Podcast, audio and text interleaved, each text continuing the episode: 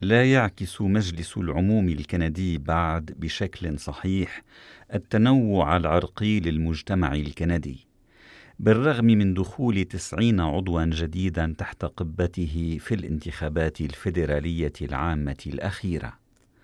فعلى سبيل المثال أوصل الناخبون الكنديون خمسة مرشحين سود فقط إلى مجلس العموم في تلك الانتخابات.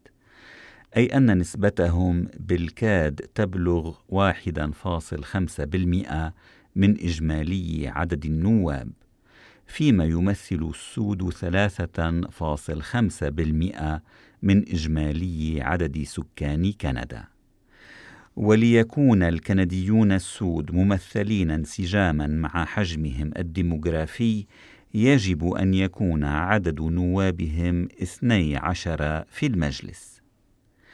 الليبرالي غريغ فيرغوس هو أحد النواب السود الخمسة في مجلس العموم الجديد وهو نجح بسهولة بالاحتفاظ بمقعد دائرة هال آيلمر في مدينة غاتينو الكيبيكية التي يفصلها النهر عن العاصمة الفيدرالية أوتاوا. ويرأس فيرغوس كتلة النواب السود في كندا. التي تضم برلمانيين سود في مجلس العموم الفيدرالي وفي الجمعيات التشريعية للمقاطعات. ومن واجباته كرئيس لهذه الكتلة أن يعزز حضور الكنديين السود في الحياة السياسية ومواقع القرار.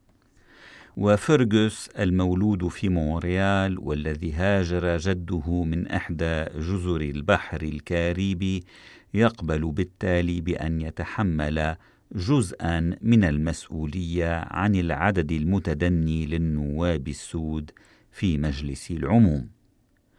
وبما أن الحكومة الليبرالية الحالية هي حكومة أقلية ومعدل عمر حكومات الأقلية في كندا هو سنة ونصف يدرك فيرغوس أن موعد الانتخابات الفيدرالية المقبلة قد يحل بسرعة مباغتة وأن عليه الإسراع بإقناع المزيد من المواطنين السود بخوض غمار الانتخابات J'ai déjà commencé le travail en parlant avec des gens pour, euh, qui, euh, qui ont un profil très intéressant à travers le pays. لقد بدأت العمل من خلال التحدث مع أناس يتمتعون بمؤهلات مثيرة جدا للاهتمام على امتداد كندا.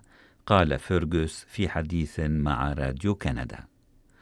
وتمثيل السكان الأصليين في مجلس العموم ليس أفضل بكثير من تمثيل السود.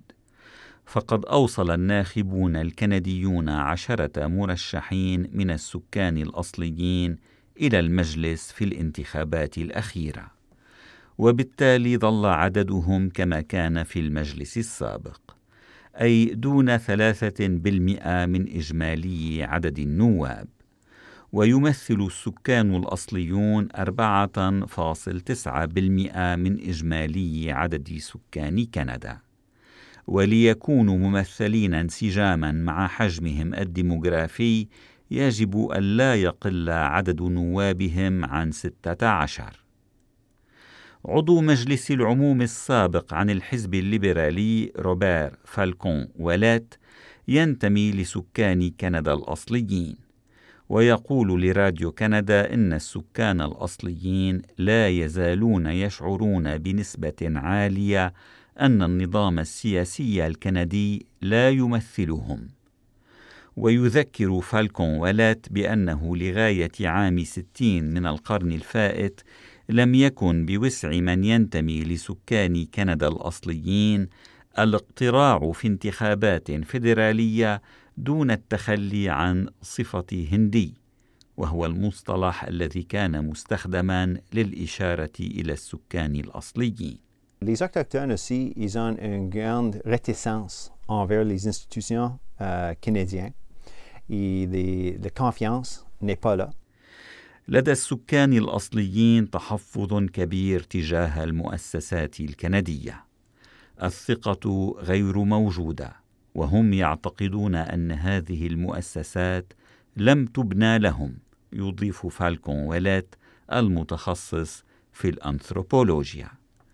ويشير النائب الليبرالي السابق إلى أن الأحزاب الكبيرة لا تقدم بعد عددا كافيا من المرشحين المنتمين للسكان الأصليين في دوائر انتخابية يمكن لمرشحيها الفوز فيها.